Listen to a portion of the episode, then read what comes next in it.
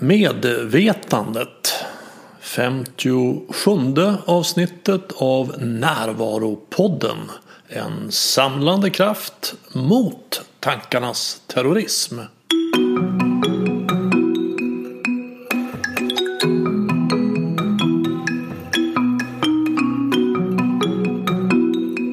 Det här är Bengt Renander. Idag är det den 15 mars 2020 och både coronaviruset och rädslan för det sprider sig snabbt över jorden. Och först efteråt så kan vi veta om rädslan står i proportion till faran. Själv så har jag nytta av sinnesrobönens budskap om att acceptera det jag inte kan förändra, ha mod att förändra det jag kan och förstånd att se skillnaden. Och i en sån här situation så är det bättre att vara lite för försiktig än tvärtom. Och därför så kommer jag att genomföra föreläsningen om tankarnas terrorism i april och den om tantrasex i maj på nätet. Då slipper vi smittrisken med att träffa andra människor här och att ta sig hit och tillbaks rent fysiskt. Jag kommer att använda mig av programmet Zoom. Du anmäler dig och betalar som vanligt via länken på min hemsida renander.nu och sen så får du en kod som ger access till föreläsningen. Det blir samma föreläsning på samma tid och med samma upplägg. Och i föreläsningen om att stoppa tankarnas terrorism så berättar jag om hur man undviker att bli terroriserad av sina egna tankar som är den största källan till lidande för väldigt, väldigt många. Jag börjar med att fördjupa förståelsen av vad medvetenhet och närvaro innebär. Sen får du hjälpsamma insikter för att kunna släppa tankar på det förflutna och oro för framtiden. Du får veta hur acceptans öppnar en dörr till nuet och stöder dig i att göra det du själv vill. Föreläsningen är klockan 18.30 den 2 april. Och den stora fördelen med att ha den på nätet är att du kan befinna dig var som helst i världen och ändå komma med på föreläsningen. Jag brukar ju inte tveka att ta mig an svåra ämnen här i podden men den här gången är det nog rekord. Vanligtvis så vill jag ge nya insikter men den här gången handlar det nog mer om att jag vill inspirera till att ställa frågor om vad det kan innebära att vara människa. Jag pratar med Per Snaprud som är vetenskapsjournalist och författare till boken Medvetandets återkomst. Vi ger oss direkt ut på djupt vatten och börjar vårt samtal med att försöka definiera vad vi menar när vi talar om medvetande. Sen går vi vidare och pratar om hur medvetandet påverkar kroppen och kroppen medvetandet. Om panpsykism och vad det är. Om argument för och mot fri vilja. Om fantomsmärtor om gummiarmsexperimentet och vad det visar. Om det finns någon varelse som ser verkligheten som den är. Om hur kunskap fördjupar upplevelsen av fascination inför verkligheten. Och om en gris blir ledsen om man kokar den. Här är Per Snaprud.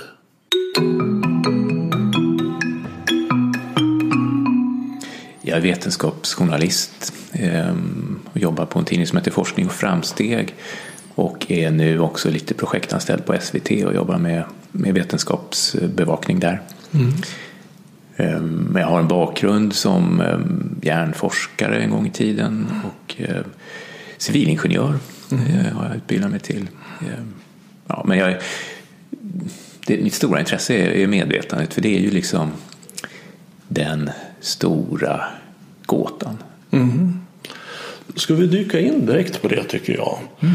Och, och, mitt förslag är att vi börjar med att försöka förklara vad, vad vi menar när vi säger medvetandet. Mm. Sen finns det ju, vi kommer säkert att komma in på det stora problemet, nämligen hur det uppstår. Mm. Men om vi börjar med, vad, vad, är det vi, vad menar vi när vi säger medvetet? Vad, vad, vad, vad menar du när du pratar om medvetandet? Det är ju något i högsta grad verkligt. Mm. Det är det som man har mest omedelbar kunskap om och tillgång till. Men alltså jag har ju en bakgrund i naturvetenskap och den jobbar med det som är mätbart eh, och matematiska beskrivningar av världen liksom i så som den går att mäta. Medvetandet är ju rätt svårt att få grepp om med, med den typen av metoder, men ändå är det verkligt. Mm. Och vad det är, eh, alltså det, det, det är svårt. Mm. Jag vet inte om du har någon, någon eh, definition? Ja, alltså jag tycker att, att den här definitionen som Thomas Nagel använde, han lanserade på 70-talet. Just det. Han ja. pratade med en fladdermus. Precis. What is it like to be a bat? Är den klassiska uppsatsen.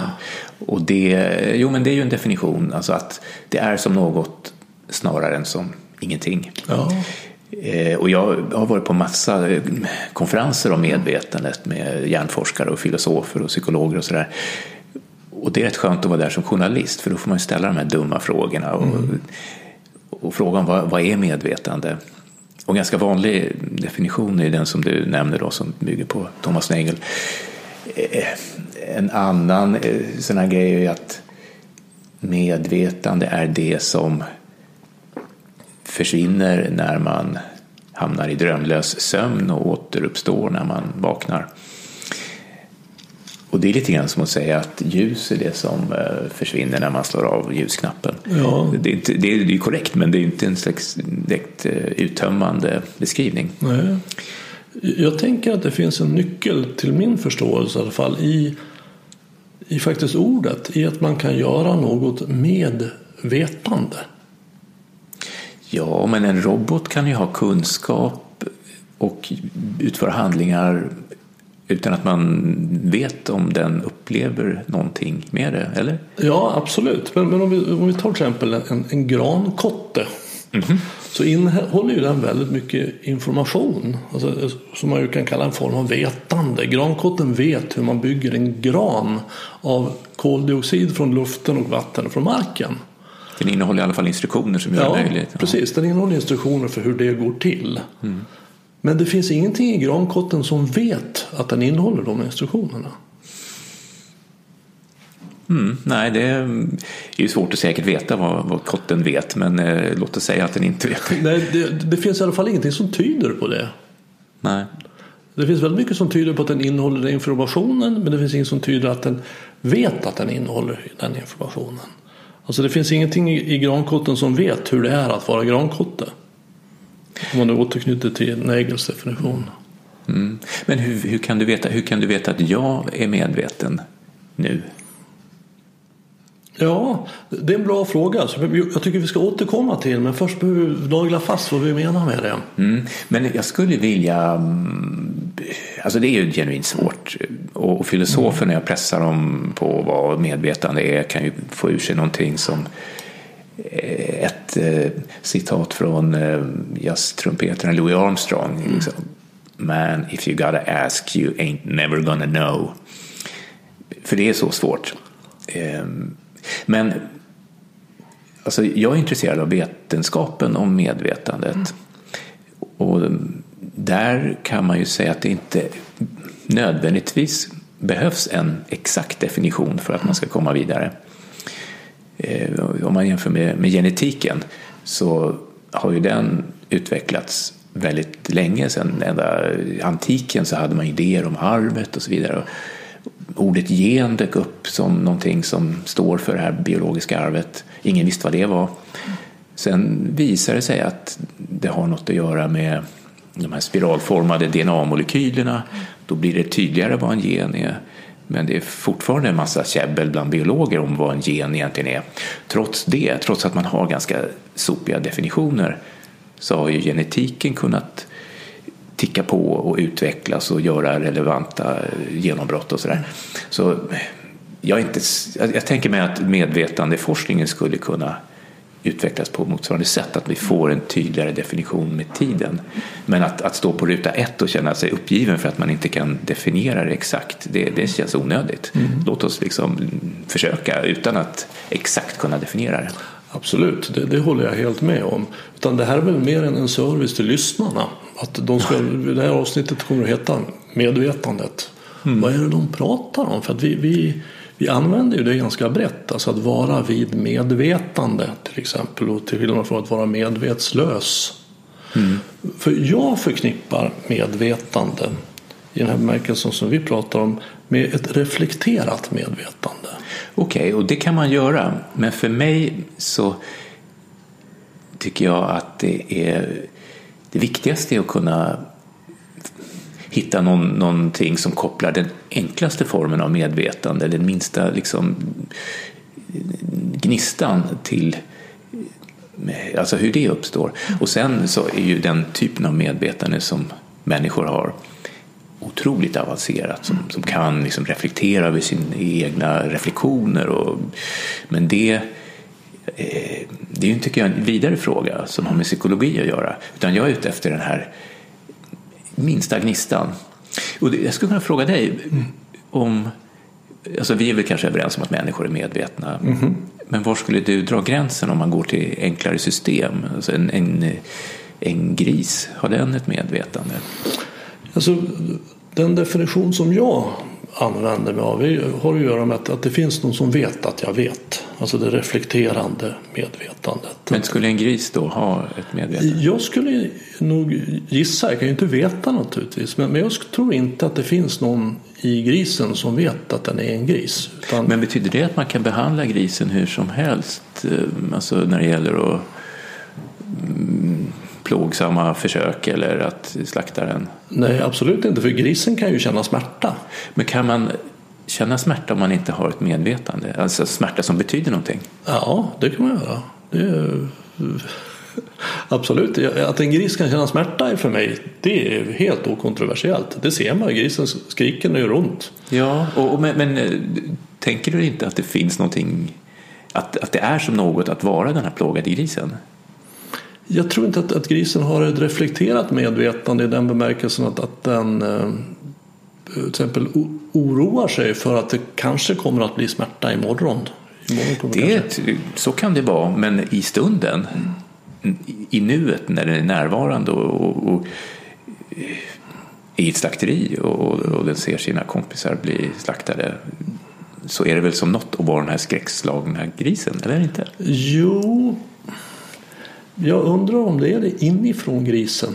Om den mm. tänker att, att jag är en gris som plågas eller jag, jag, jag har nu smärta. Utan jag tror att den, den har smärtan, den upplever smärtan. Ja, men då, då är den ju medveten, om den nu kan uppleva någonting, eller? Ja, om, om man med det menar medvetande, då är ju den medveten. Mm. Och, och då blir ju också till exempel ett träd medveten, för det reagerar ju på ja, vatten och sol. Det kanske, alltså det, beteende har ju trädet. Mm. Eh, din brödrost har ett beteende. Mm. När den blir tillräckligt varm så kommer den kasta ut brödskivan. Mm. Kanske ganska lite medvetande kopplat till mm. det. Men, men alltså, jag tycker det är en intressant diskussion om var man drar gränsen. Um, och jag brukar ibland när jag mm, pratar med folk om, om medvetande, liksom går den här vägen, gris och sen en höna, är den medveten? Vidare en fluga, eh, kanske en rundmask, mm. det är en liten varelse med 302 nervceller. Mm. Eller en bakterie. Men du har redan liksom sagt att det, det efter människan så Förstår jag rätt? Liksom att ja. övriga organismer är medvetslösa då? Nej, det är inte medvetslösa för det innebär ju att man är utslagen. Men de har inget reflekterat medvetande. Nej, nej, det kan så vara men det behöver man väl inte ha. Så när du vaknar på morgonen och, och man liksom ibland, man kanske vaknar i ett hotellrum någonstans och man vet inte riktigt var man är eller vem man är. Så. Det, det finns ju ett ögonblick där. Mm där, för mig i alla fall, är medvetandet ganska, ganska primitivt. Men ändå är det som något snarare än som ingenting. Så, så jag, jag, vill kunna tänka mig att medvetande kan vara någonting väldigt att det, att det finns inte bara en form av medvetande mm. i, i universum utan den kan ta sig uttryck som är enklare men ändå existerar. Mm. Jo, jag, förstår att du har nog en vidare definition av det än vad jag har. För att jag ser det nog som det reflekterande medvetandet. Alltså att, att det inte nog med att jag vet saker utan jag vet också att jag vet. Och, och, och en gris vet ju otroligt mycket. Den har ju väldigt mycket information i sig. Och den vet att den, den har ont till exempel när, när den blir skadad. Men det finns inget i grisen som vet att den vet att den har ont. Okej, men om man tänker sig en robot som är gjord med kiselchips, liksom en vanlig mm. data som har ett beteende och som, som eh, kanske om du hotar att dra ut sladden så mm. kanske den säger nej, hjälp, ja, det, det här känns förfärligt. Mm. Precis som en gris kanske också protesterar. Skulle, sätter du roboten och grisen i samma nivå av medvetande? Alltså för mig då så, så innebär medvetandet att jag har en, en, möjlighet att reflektera över mig själv och framtiden. Alltså, eh, att, att, för mig är tankar väldigt kopplat till medvetandet. Så att man kan tänka, man kan planera för framtiden, man kan lära av det förflutna och man kan föreställa sig det som inte finns. Okej, okay. du är på en, en, mycket högre nivå tror jag än jag när, när, i ditt resonemang. För, för jag är ute efter den minsta gnistan. Liksom. Det som skiljer totalt mörker som man får tänka sig att medvetslöshet är ja. och någon typ av varseblivning av, av något. Och jag, jag, ibland tänker jag på det som, som temperatur att vi människor lever i ett intervall liksom mellan eh, två, vad blir det, ja, kanske 50 grader varmt och 50 grader kallt, liksom, någonting sånt. Men den absoluta nollpunkten är minus 273,15 grader. Kallare än så blir det inte. Mm. Men om man bara tänker sig någon tusendels av en grad över den absoluta nollpunkten så finns det någonting där. Mm som är temperatur. Och på något liknande sätt kan man ju tänka sig kanske att medvetande, vi, vi lever i en nivå av medvetande som är väldigt hög, men att det också ska kunna finnas former som är nästan omöjligt simpla i förhållande till det vi har. Så att det är svårt för oss att föreställa oss det, men att det ändå kan vara tänkbart. Mm. Jag förstår hur du menar och det, det, skulle jag, det är därför det är så bra att prata om vad man menar när man pratar om medvetande. För det skulle jag nog kanske snarare kalla för liv. Alltså finns det liv i en gris? Och det gör det ju.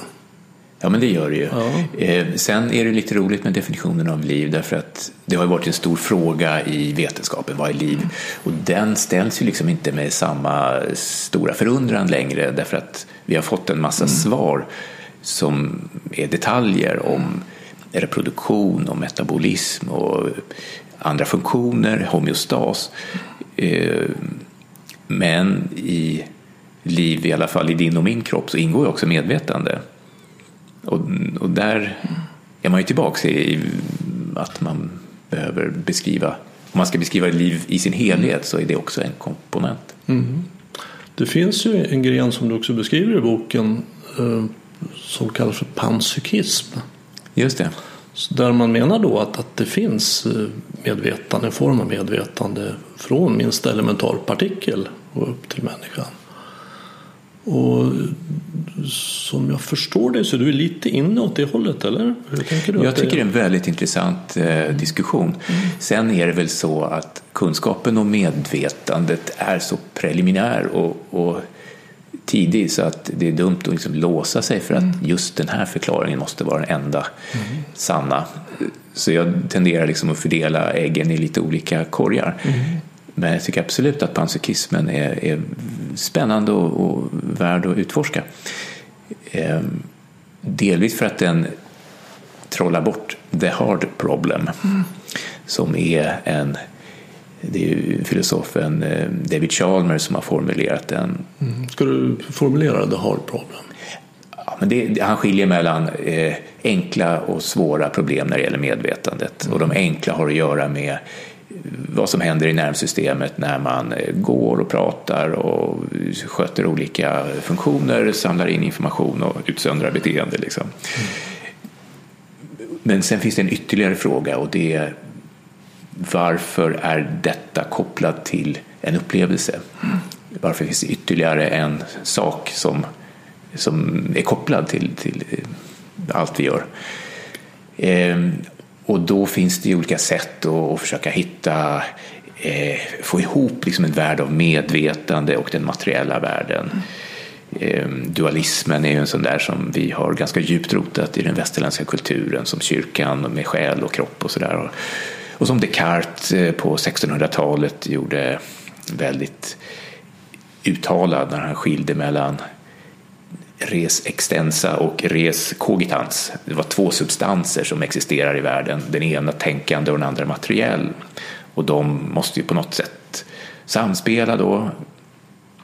Han fick ett utsökt brev från eh, prinsessan av vad hette hon, Elisabeth av Böhmen som hade läst hans eh, bok. Och hon frågade så här helt ödmjukt, ja men herr Descartes, hur kan, hur kan eh, den här den här själen då som inte har en utbredning påverkar kroppen. Mm -hmm. Vad är kontaktytan så att säga? Ja, för det, det är någonting snurrigt där. Och eh, Descartes som ju var, han, han förstod att han hade problem där och han eh, gav sig ut och samlade ihop hjärnor från eh, bårhus och, och slakterier och tittade mm. på dem och han kom fram till att ja, men det sker i tallkottkörteln. Mm. Och jag tror att han själv också insåg att det där inte var en lösning på problemet. Men ända sedan dess så har det ju varit en sak som dualisterna inte har kunnat lösa, liksom, hur de här mm. två sakerna mm. kan eh, samspela. Och sen är den andra traditionella ståndpunkten är ju materialismen som menar att materien är någonting medvetslöst så som den beskrivs objektivt av eh, fysiken och att den på något sätt alstrar medvetande. Mm. Någon typ av emergens är ordet som, som man brukar höra. Det. Och, och det är en väldigt svår, ett stort steg liksom att ta. Och hur går det där till? Och det finns liksom ingen eh, idé som håller för hur det skulle kunna gå till. Och då har på senare år panpsykismen dykt upp som en slags tredje eh, ståndpunkt. Mm. Och den, pan betyder överallt och psyke är ju, är ju ja, medvetande. Så utgångspunkten är att det finns medvetande i allting. Och jag måste ju själv erkänna att när jag eh, stötte på den här idén, jag har ju liksom läst om det, men jag mötte en, en panpsykist som heter Galen Strawson som eh, är en brittisk analytisk filosof som var så här, ja men det var någon middag som jag hamnade bredvid honom. Vi har inget belägg för att det finns någon materia som saknar medvetande. Så han, liksom vände på hela grejen och jag tänkte, mm. okej, okay, han heter Galen, liksom, galen, det är klart han är det, det här är ju helt bananas. Jag kommer från KTH liksom, och är dresserad att tänka som en ingenjör. Det här verkar ju jätte, jättekonstigt att det ska finnas medvetande i vadå, allting. Mm. Men, eh, men jag började läsa på lite om det där och, och, och sen gjorde jag en lång intervju med honom. Um, och det är ändå en rätt skön tanke. Um, och den löser ju det här the hard problem, eller trollar bort det snarare. För att om man utgår från att medvetande är en del av liksom, universums baspaket. Det finns där precis som massa och laddning och andra saker som vi bara postulerar då är det ju lättare att, in, liksom att eh, tänka sig att det, om det finns små, små medvetanden i, i elementarpartiklar eller i, i något ännu mer grundläggande så kan man ju tänka sig att de kombineras på något sätt till det, den form av ganska avancerat medvetande som, som du och jag har. Mm.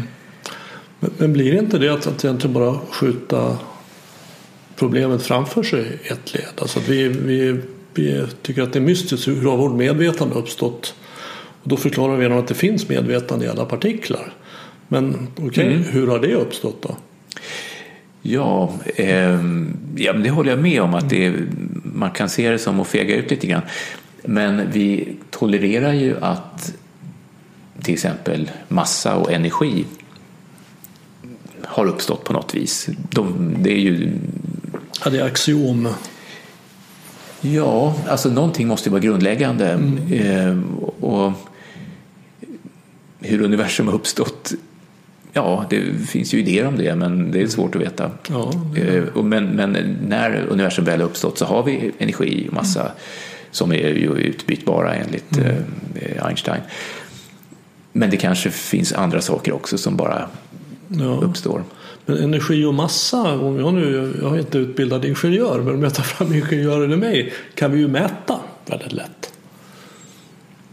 Men medvetandet i partiklar, det, det kan vi inte mäta. Det, det, finns ingenting som tyder på att det finns ett medvetande där, eller? Nej, och det är ju, det är ju sant, det går inte med något sätt som man har hittat att mäta mm. objektivt.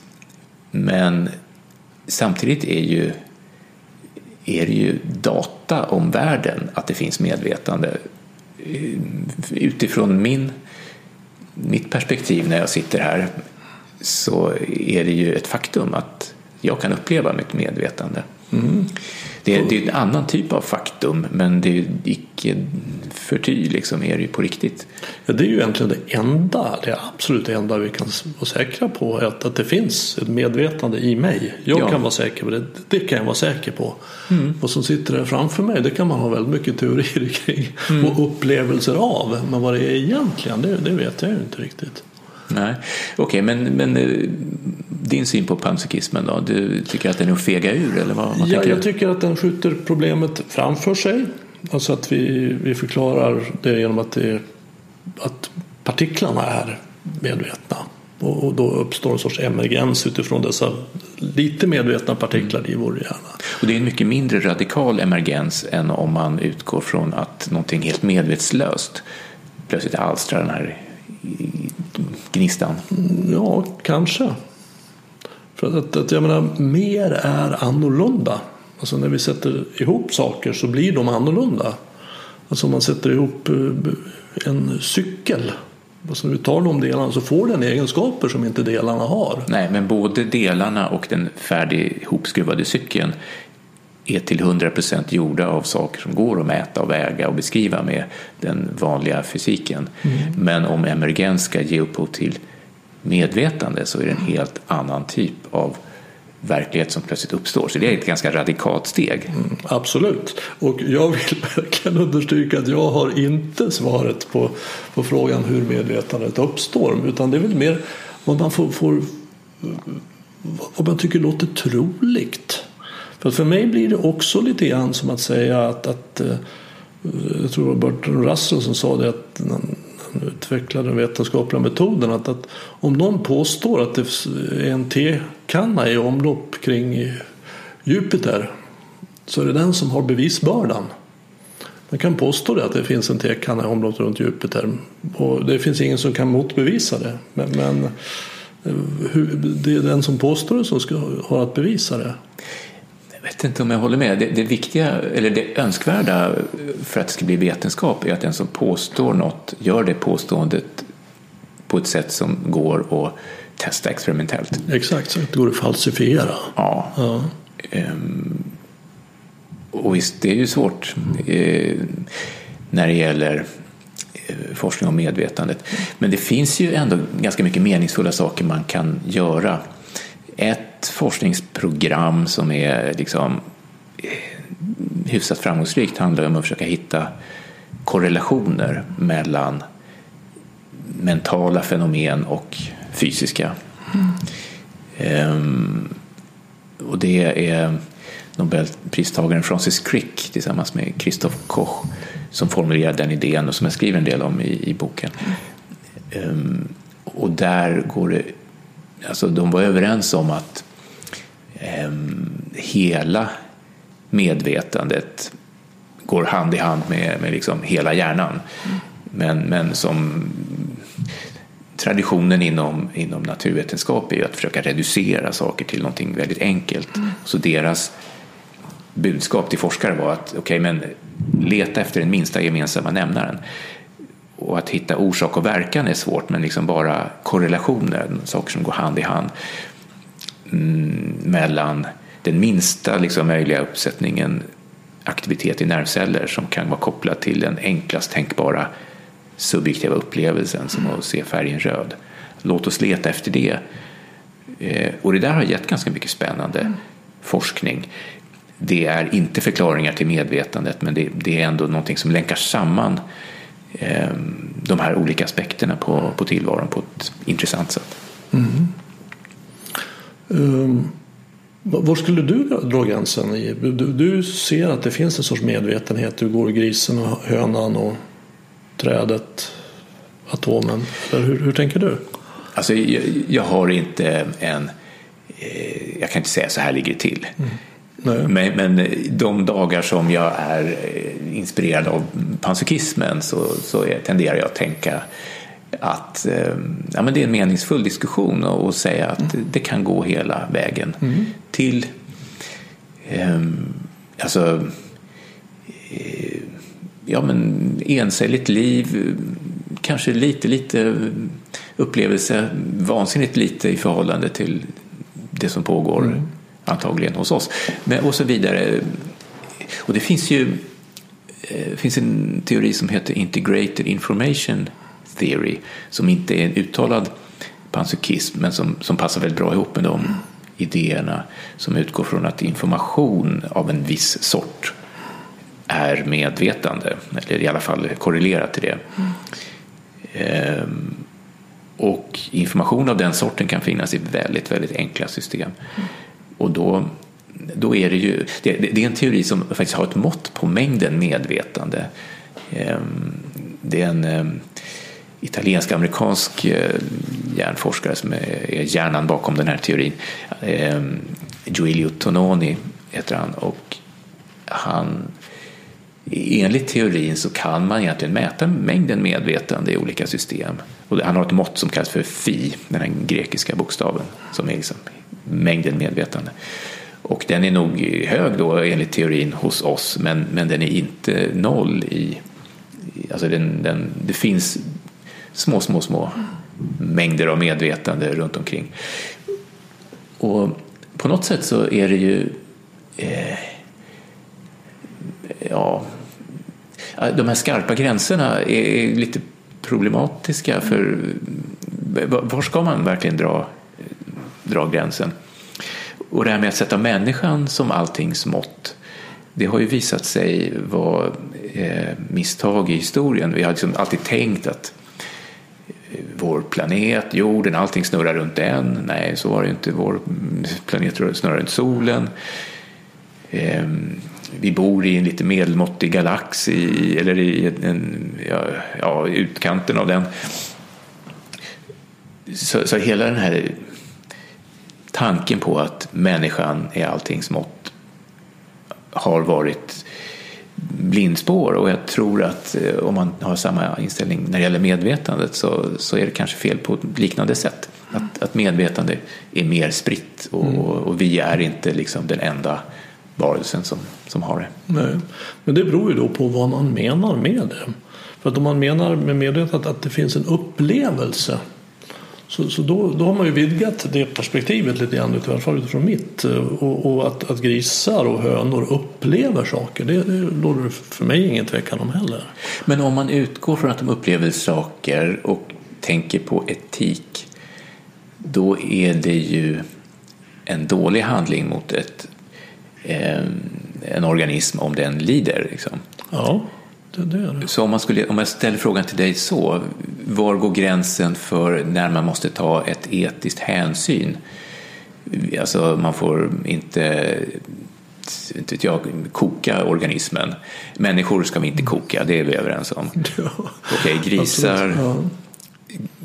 Alltså koka levande Ja, koka du? levande grisar, ja, det är okej. Okay. Ja, alltså, det handlar om att inte utsätta för onödigt lidande. Okej, okay, ja, visst. Alltså, så, äter, så, så, är du vegetarian förresten? Nej, det är jag inte. Nej, nej inte jag heller. Så att jag, men eh, en del är ju det av, av mm. etiska skäl. Jag, jag försöker äta lite kött, liksom, och, för det, det, är ju en dimension att man mm. orsakar lidande när, när djur dör. Ja. Men, men vi, vi, vi fördömer ju inte ett lejon moraliskt när det äter upp en gasell. Nej. Även om, om gasellen kanske lider i flera timmar. Så, utan den gör det. Den, den har upplevelse av hunger och mm. den, den, följer sina instinkter. Men, men det finns inget i lejonet menar jag då som vet att den orsakar gasellen lidande. Nej, nej, nej, okay. Jag kanske ska omformulera frågan då. Mm. Eh, inte i termer av rätt eller fel, för det är en ytterligare diskussion, men, men är, blir organismen ledsen? Och det får man ju utgå från att en gris blir om man kokar den levande. Ledsen? Ja, men att den lider. Då. Att den lider? lider Okej, okay, vi säger ja, att den lider. Ja. ja. Och, och, kan en, en kyckling lida? Mm -hmm. Kan en fluga göra det? Ja, känna smärta Okej, okay, känna smärta. Ja, men det, det, det är väl sagt lidande. Jag lider när jag känner smärta. Så det, det, Okej, okay, en rundmask. Det kan man ju undersöka. Man kan ju sätta en nål på en rund mask och se rör den sig bort ifrån nålen eller inte. Mm, men det är ju bara det objektivt mätbara. Du vet inte hur den subjektiva upplevelsen är. Du har, du har inte direkt tillgång till den, men du kan se beteendet och du ja. kan ju dra dina Man får ju en god anledning att tro att den, att den upplever smärta. Mm. Okej, okay, men då är du med en bit i alla fall på den här eh, vägen mot någon ting eh, som går att uppleva i ganska enkla organismer. Absolut, att, att djur och, och enkla organismer upplever saker, alltså de mm. interagerar med omvärlden, det är det för mig ingen tvekan om. Nej. Och för mig är liksom med, den, den viktiga diskussionen om medvetande är att någonting kan upplevas. Mm. Jag, jag förstår någonting det. alltså, snarare än ingenting. Jag förstår, jag mm. förstår. Och jag har ju då en mer snäv definition Ja, du förutsätter att medvetande är någonting som är ganska avancerat. Ja, absolut, att det finns någon som vet att jag upplever det här. Mm. Alltså att jag kan uppleva smärta men också vet att jag upplever smärta. Mm. Det är smärta jag, jag, upplever. Jag tycker att den stora spännande gåtan om medvetande finns på en annan nivå. Mm. Alltså hur det överhuvudtaget kan existera. Jag tänker så här att, att som jag förstår dig, det du pratar om är medvetandet. Alltså att det finns någon som här vet att det gör ont eller vad det är. Och det jag pratar om när jag pratar om medvetande är kanske vad du skulle kalla för det reflekterande medvetandet. Mm. Kan det vara någonting som vi... Jo, men det tycker jag är tydligt. Att... Ja, för då är jag med dig i, när du pratar om medvetande om gris. Och, och att det finns någon som har en upplevelse. Mm. Och jag tycker att jag är i linje med Thomas Nagels mm. resonemang om att det är som något snarare än som ingenting. Mm.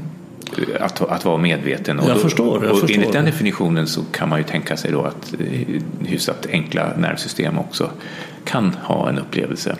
För de sakerna som du tar upp är ju intressanta i sig och, och angelägna men i förhållande till, till liksom medvetandets existens så är de, som jag ser det, vidareutvecklingar. Mm. Och jag är väl fortfarande så pass eh, liksom ingenjörs eller naturvetenskapligt orienterad att, att jag ser en poäng i att förenkla eh, frågorna.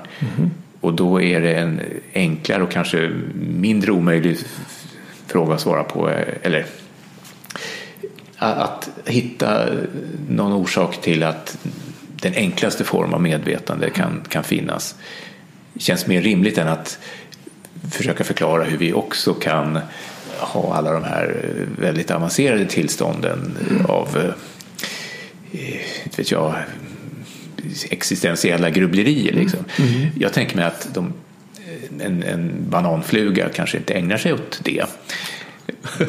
men, men, att eh, det ändå är som något att vara en bananfluga. Jag förstår, jag förstår. Ja. Bra, det, det, fint. Då, då, känner jag att jag förstår vad du menar med medvetande. Och Ja, intressant. Och för att då dyka in i nästa svåra fråga så är ju, som är lite kopplat till medvetande och då eventuellt reflekterande medvetande som handlar om fri vilja. Det är också någonting du skriver om. Jag ångrar nästan att jag gjorde det. Okej. För det är ju en sån svår fråga. Ja, du ger dig verkligen in i de absolut svåraste frågorna får man ju säga. Ja, nästan på ett självdestruktivt sätt. och, och det- alltså, det känns ju som man har en fri vilja. Det. Upplevelsen är ju väldigt Ja, påtaglig. Vi upplever att vi har en frivilliga, det är ingen tvekan om. Men att veta att den är alltså, att den är så fri som vi kanske inbillar oss det, det tror jag man kan se att den inte nödvändigtvis är. Men eh, någon form av fri vilja finns det eller inte? Ja, som jag ser det så är det en, en öppen fråga. Och, och till slut så så är det nästan en, en fri, ett fritt val att välja om man vill tro på en fri vilja eller, eller inte. Ehm, för det finns en massa spännande experiment och det finns eh, filosof, filosofiska tankar sedan urminnes tider om det här. Men en grej som jag landade i där, eller som inte är ett svar på frågan men som ändå är mm, intressant är att psykologisk forskning visar att människor som tvivlar på eller som har fått ett budskap om att frivilliga inte existerar de beter sig tarvligare än de som tror att det finns en frivilliga. De fuskar mer till exempel. Just det. Och det här är ju inte ett argument som har, som har med sanningen att göra, alltså om, om den fria viljan verkligen finns eller inte. Men det är ändå någonting som en pragmatisk sak. Okej, om vi ändå inte vet, varför inte chansa på att fri vilja i någon form ändå existerar och bli en lite skönare person. Absolut. Ska vi se om vi kan ta några argument för att det finns en frivilliga och några argument mot att det finns en frivilliga? Vad, skulle du säga att det, vad är argumenten för? Ett argument är ju att det finns en stark upplevelse av det. Jag känner mig inte alls som en styrd robot utan att jag har bjudit in dig hit nu och vi sitter här av, av frivilliga. Ja, ja men det är väl det är väl det som är omedelbart starkast för att det, bara, det känns ju så att jag, jag om jag vill, jag kan ju liksom resa mig nu och gå härifrån och, eller någonting, jag kan vad skulle hindra mig? Ja, Ehm, det är ett argument för att det finns en frivilliga. och ett argument mot är ju liksom hur är universum uppbyggt? Är det så att varje händelse beror på en orsak eh, som är bestämmande för händelsen?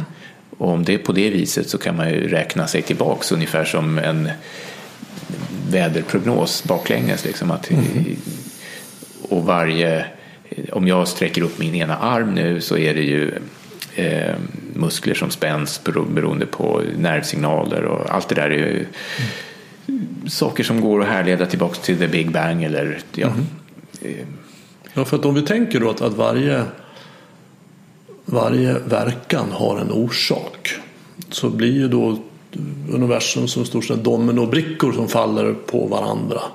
Mm. Och det hjälper ju inte mycket att föra in slumpen i det hela för det kan ju vara så att eh, fysikens lagar innehåller ren slump. Men då blir det ju inte frihet utan det blir bara eh, slumpmässighet. Så om vi ska få till den fria viljan så behöver vi på något vis hitta någon möjlighet där att bryta de här dominobrickorna som trillar. Att man kan bestämma och var kommer det ifrån i så fall? Och har det ingen orsak?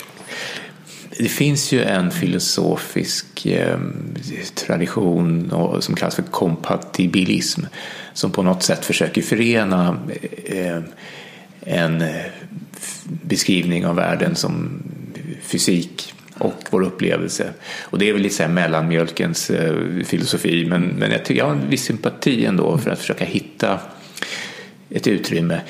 Alltså, det finns ju gränser för till exempel min frihet att räta ut min arm för att armbågen säger stopp när armen är rak. Jag kan inte fortsätta böja armen vidare för det, det sa stopp då.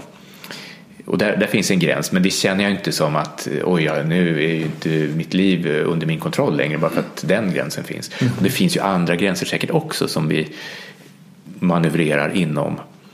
Ehm, Men, men det kanske finns ett hopp om att någon typ av, av frihet ändå kan vara kompatibel med, med de här begränsningarna som också finns. Inom metafysiken pratar man om mjuk determinism.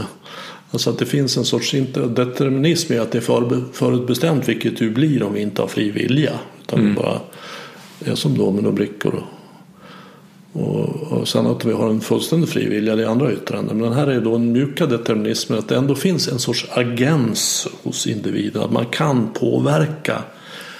I, inte helt och hållet men ändå i liten grad. Det finns en dansk filosof som liknande människans liv vid att sitta i en simring på väg ner för en fors. Oj, ja, okay. man, färdas ner där och väldigt mycket kan man inte göra någonting åt. Till exempel sitt åldrande och det är ju väldigt mycket vi inte kan påverka.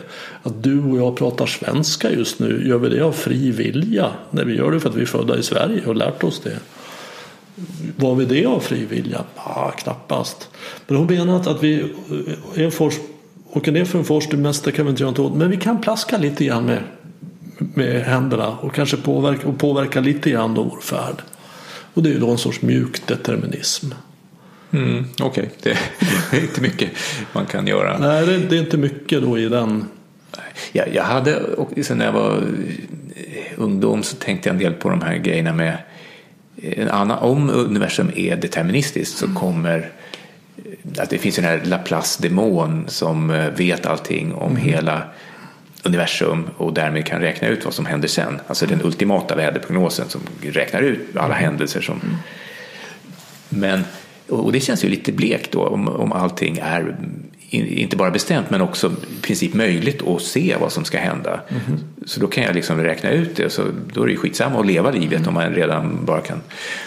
Men då var det en kompis som gav mig en rätt skön eh, tankeställare. Okej, okay, om den här demonen vet allting om hela universum och kan räkna ut nästa steg och nästa steg och nästa steg ända in i framtiden. Då måste ju demonen också vara en del av universum. Mm -hmm. Och då måste den varelsen ha med en modell av sig själv i sina beräkningar. Mm -hmm. Och då blir det en oändlig regression mm. som gör att man faktiskt inte kan göra beräkningen. Nej. Och det gav mig lite andrum. Ja men okej, okay. så jag kan väl ändå leva livet för att det för, för att få se hur det går. För att det kommer aldrig gå att eh, snabbspola in i framtiden och se, för, för det skulle ju vara lite så här eh, spoiler liksom eh, för, för livet om, om man hade facit redan från början. Eh, så, så det, det liksom lättade den bördan så kunde jag börja tänka på annat igen. Ja, för att så vitt jag kommer fram till så spelar det ju egentligen ingen större roll om man har en fri vilja eller inte för mitt dagliga liv. Jag, jag kan fortsätta göra samma sak i alla fall. Eller hur? För att eh, är det förutbestämt så är det det. Och, och är det inte det så, så går det också bra. Ja. Så, så mitt liv påverkas inte så mycket av det. Men, men, det är klart att risken är ju som du säger att man börjar fuska och inte tillåter för jag har inte en agens längre. Så det är inte någon jag som har ansvar för det jag gör. Mm. Just det, nej, så du har en psykologisk effekt och mm. den går att visa i forskning. Mm. Att om man tutar i en person att fri vilja är en ren illusion, du har den inte på något vis, mm. så kommer den, eh, det finns eh, psykologexperiment som visar att de är mer benägna att ta en chans att fuska om det dyker upp en sån eh, mm. möjlighet. Mm. Så, att, så det får ju konsekvenser vad man tror. Ja, jag förstår. Ja, uh... Vad har du mer i boken där som du tycker att det, som känns extra spännande för dig? Alltså, en, en aspekt som jag tycker är spännande är, är kroppen och medvetandet. Mm. Och kroppen är väldigt viktig för den typ av, av medvetande som vi har.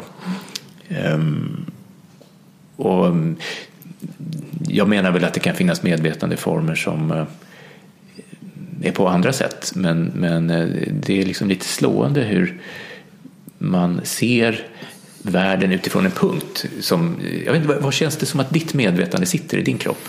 Mm, det känns nog som det sitter rakt innanför bakom pannan här pekar jag nu. Mm. Inne i huvudet här. Och det, det, finns psykologer som har gjort eh, undersökningar av var människor upplever att medvetandet är placerat i kroppen. Och det är ganska vanligt att det är någonstans bakom ögonen. Eh, men en annan ganska vanligt svar är att man upplever att det sitter någonstans i övre delen av torson, liksom i bröstet. Eller så, när man, eh, men vi är väldigt visuella djur och vi tar in världen via synen och, och därför eh, och, och, kroppen är också rätt spännande för om man, typ, om man har ett skrubbsår någonstans på knät till exempel och vill se om eh, skorpan har läkt och ska ramla av då kanske jag stryker med handen och får känna efter hur det är. Och då är ju kroppen både den upplevande, liksom handen som stryker och undersöker kroppen och då är kroppen också ett, ett objekt som man undersöker. Så i samma liksom, fysiska enhet så finns både subjekt och objekt. Ehm, vilket är spännande. Mm, och det finns ju de, de, som menar att medvetande inte ens är, är möjligt om man, om man tänker bort kroppen. Eh, om man skulle tänka sig hjärnan som en eh, simmande i ett akvarium. Eh, hjärnforskaren Antonio Damasio menar att det där är en ren illusion. Ett sådant system kan inte ha en upplevelse alls. Nej.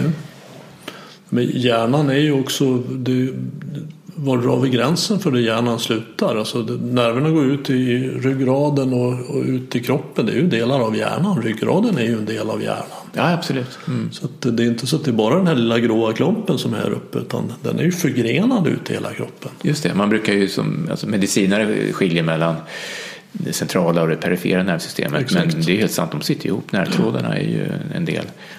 Mm. Och, och när det gäller känslor så så är det ju ganska kroppsliga upplevelser. Alltså man, när man känner skräck så är det ju någonting, jag vet inte hur det är för dig, men, men, men det är liksom i, kanske det drar ihop sig i bröstet eller man eh, så ett känsloliv utan en kropp är lite svårt kanske.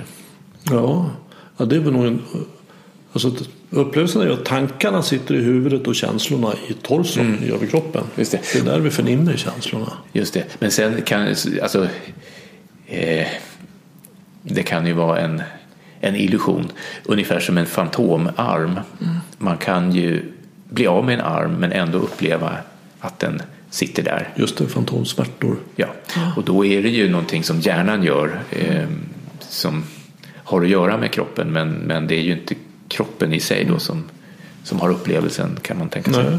Men det beror inte det också på att, att det ligger nerver i kläm i själva amputationen som, som ger då signaler som egentligen är kopplade till till fingrarna då? Ja, det har funnits eh, lite olika idéer om det där. Men eh, folk, fantomsmärtor kan vara ganska allvarliga tillstånd och det har ju funnits försök att ta bort en liten bit till ifall det skulle vara någonting. Men då kan den vara kvar i alla fall. Mm. Så jag tror nog att det är någon process centralt i hjärnan som, som har en modell, att, att hjärnan har en kroppsmodell hela tiden. Mm. Eh, och den går ju att lura på ett ganska skojiga sätt. kan du inte berätta om det experimentet? Ja, har du varit utsatt för det någon gång? Nej, men jag har läst om det tidigare. Mm. Jag har sett film på dem som blir, de blir skräckslagna. Ja, och, och då pratar vi om gummiarmsexperimentet som är eh, man har en, eh, jag köpte en här nere på gatan faktiskt på Buttricks, en sån gummiarm för att testa på, på min dotter och hennes kompisar och sådär. Det funkar. Man tar gummiarmen lägger den i position på ett bord framför den försökspersonen på ett sätt som gör att den skulle kunna vara en riktig arm. Och så får personens riktiga arm ligga lite längre bort bakom en skärm så att man inte ser den. Och när jag gör experimentet så tar jag två stycken penslar och stryker dem samtidigt på den riktiga armen. Och på, som man inte ser? Som man inte ser, nej. Och på gummiarmen som man ser. Mm.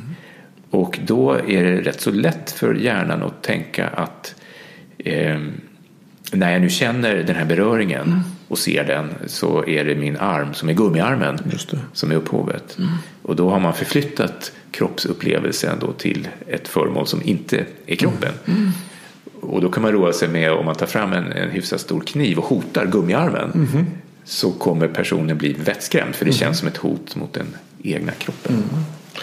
Och, och det går så fort. Ja. Alltså, vi har ju så lätt att om man tar på sig en sån här 3D-hjälm, det har du säkert gjort. Ja, ja.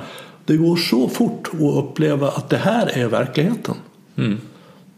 Jag vet inte om du känner till den här amerikanska professorn Donald Hoffman? Jo, men visst, jag har läst hans bok. Ja, eh, jag håller på med den nu. ja, ja, ja. Jag tycker det är väldigt spännande det han pratar om. Han menar ju att att det vi upplever här ute är ett sorts interface. På samma sätt som vi har ett interface på datorn. Man, man kan, jag kan säga att jag har en mapp på min skärm och jag öppnar den och så öppnar ett dokument som innehåller bokstäver. Men i datorn finns det ju ingen mapp. Det finns ju inga bokstäver. Utan det här är någonting som hjälper mig att interagera med de här ettor och nollorna som, som, som pågår i datorn. Så av och påstängning av ström egentligen. Mm. Det här är en bok som heter The Case Against Reality. Mhm. Jag hoppas verkligen bli översatt till svenska. Den är väldigt omtalad. Ehm, och han får ju frågor ibland i poddar och sådär om Jaha, men om allting bara är en ikoner på en dator. Om, en, om ett framrusande tåg är en ikon på en dator då kan du ställa dig framför det tåget. Eh, Vilket är en väldigt dålig idé. Och hans han menar då att eh, på samma sätt om, om jag drar mina mappar till papperskorgen på datorn så kommer de ju försvinna. Men, men eh, det betyder inte att det är, är verkligheten som jag ser framför mig. Och eh, ett, ett framrusande tåg är kanske en, en, en ikon i något gränssnitt. Men, eh, men man ska ta det på allvar i alla fall. Liksom. Absolut. Jo, att det vi ser är en evolutionärt gynnad bild. Det har hjälpt oss att överleva. Just det, vi, vi, eh, det handlar om fitness. Eh, Evolutionen bryr sig inte om att förse oss med en korrekt uppfattning om världen. Det är inte målet. Målet är att överleva hyfsat länge för att kunna föra gener vidare till nästa eh, generation.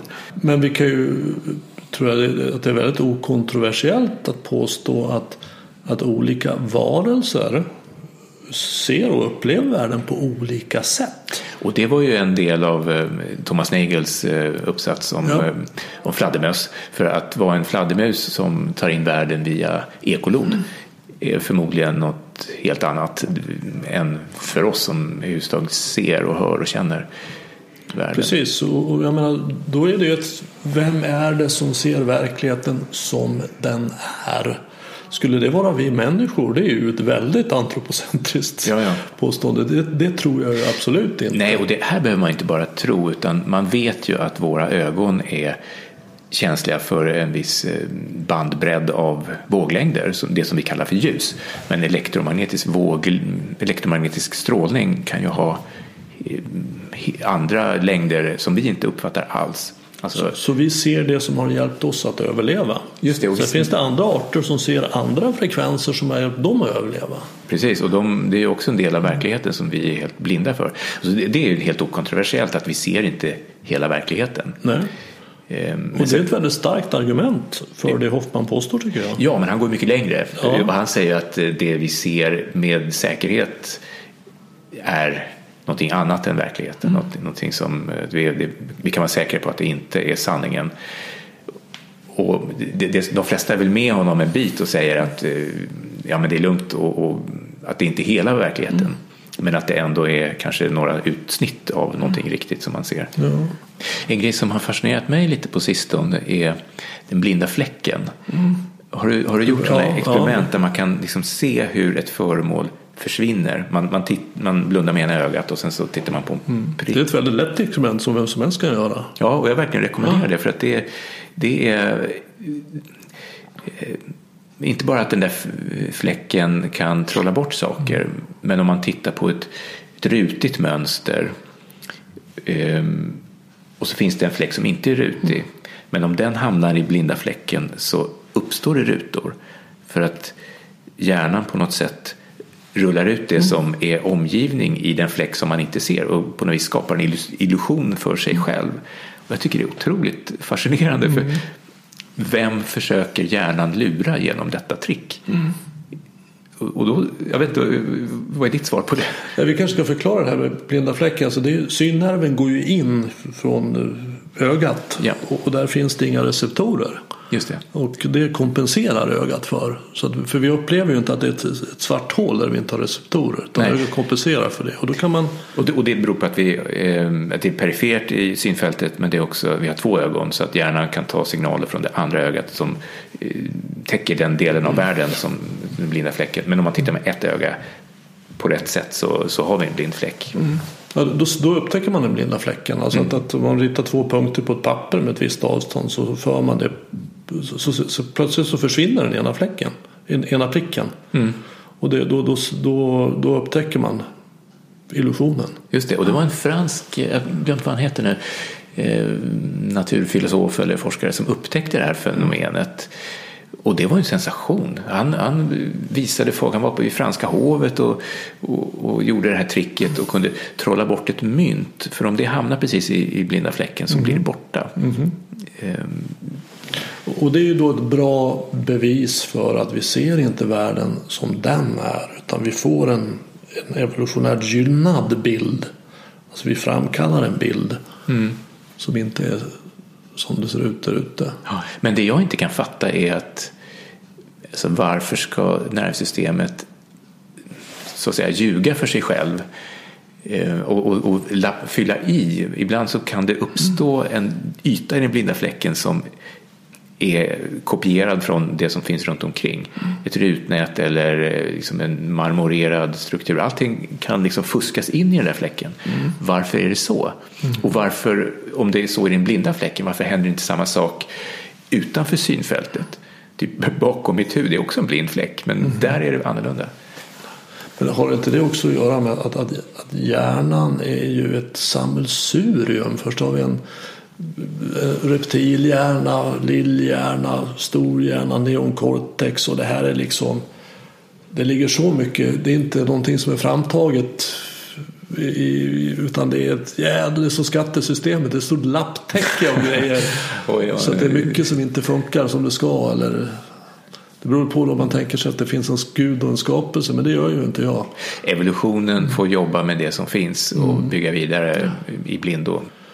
Den här kunskapen som du har kring medvetande som du har tillägnat, hur påverkar den dig i ditt liv? Jag tänker mer i ditt dagliga privatliv. Jo, men eh, inte liksom kanske väldigt konkret i varje dag, men, men det är en, en grundläggande eh, fascination för livet på något vis. Ehm, Det sägs ju att, att eh, världen har blivit avförtrollad av vetenskapen. Liksom, att, den, att vi har så mycket kunskap om allting så att det känns som att nu är grejerna förklarade och sådär. Jag är helt inte med på det för att medvetandet är ehm, det finns och, och, och det är inte färdigutrett och jag hoppas att det får en förklaring och det kommer inte avförtrolla världen för mig. Ehm, men det är en slags alltså, eh, eh, det händer någon gång att jag pratar med någon om medvetande som bara ah, men vad, vad är grejen? Liksom, det, varför allt stå hej om det här? Och då har man liksom inte jag, jag tror att det, det finns en väg till att se hur fantastiskt det, det är. Och små barn har ju eh, en massa underbara frågor om, om saker och ting och liksom hur vet ett frö vilken väg som är uppåt när man ska bli en planta och sådär. Det är spännande. Men, men jag har aldrig stött på något barn som har frågat varför finns medvetande? För det är ju så självklart att man har, precis som en fisk liksom inte kanske undrar varför det finns vatten. Eller så. Det, det är en del. Så att man måste komma förbi den självklarheten. Och då, ju mer man tänker på det då, så desto mer fantastiskt och tursamt att man råkar befinna sig i ett universum där medvetande existerar. Ja, och det, jag tycker också det är väldigt intressant för att, att man har ju en hel experimentstudio i sig. Vill man utforska medvetandet så kan man ju faktiskt sluta ögonen och titta inåt. Mm. Och uppleva det. Men det är ju så...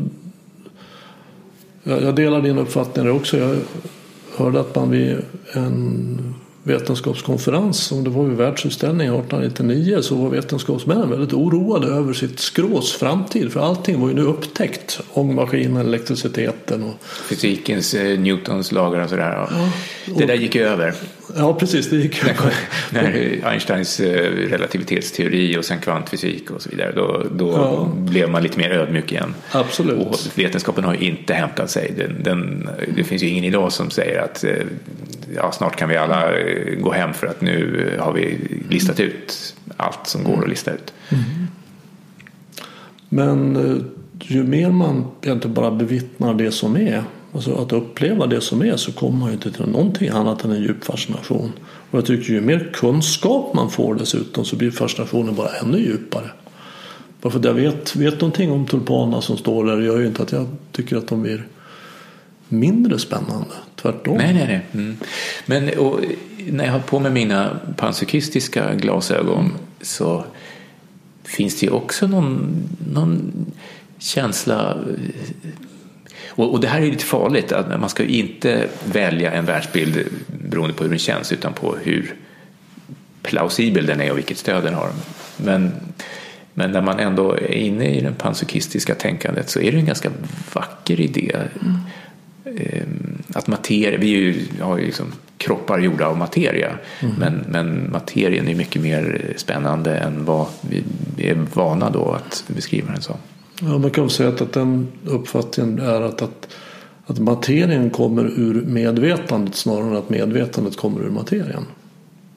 Det där är en, också en filosofisk inriktning som mm. kallas för idealism. Mm. Att, att det, det, grundläggande som finns är medvetande. Mm. Där, um, biskop Berkeley var ju en uh, anhängare av den idén. Den är inte så populär idag men, men um, um, men också värd att ta på allvar och, och utforska. Mm. Och det tycker jag är kul. Att, och det är en del av medvetandets återkomst. Att, att den har återkommit till seriösa diskussioner. Mm. Man får inte en stor flumstämpel på sig bara för att man har ett intresse för medvetande frågor. Vilket var fallet, speciellt inom neurovetenskap under mm. en stor del av 1900-talet då var det ett riktigt dåligt karriärdrag att prata högt om att man var intresserad av medvetandet. Mm. För det, det var liksom som att prata om tomtar och troll mm. och sånt. Mm. Och så är det inte längre. Fortfarande lite, eh, kanske lite flum, men, men inte alls så som det har varit. Och jag tror att rätt mycket tack vare den här forskningen om korrelationer mellan eh, medvetande och, och materia. Mm. Ja, jag hoppas att, att vårt uh, samtal här kan inspirera fler att ja, fundera kring de här frågorna. Och...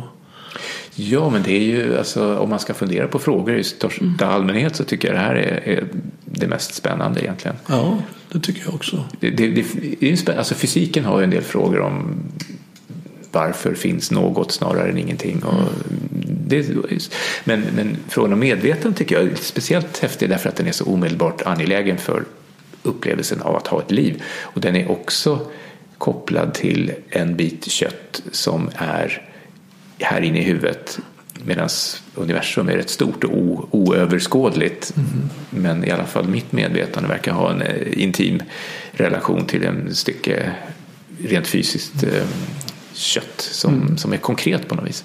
Ja, det är ju kopplat till frågan hur är det att vara jag? Ja, men det är det. Vem är jag? oj, oj. Ja, tack för att du kom hit Per. Tack så mycket för att jag fick komma.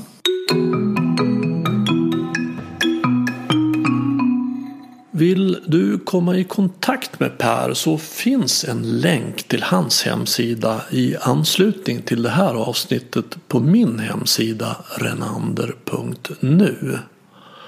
Och tycker du att det här är intressant det vi pratar om så rekommenderar jag dig att köpa Pers bok Medvetandets återkomst om kroppen, hjärnan och universum.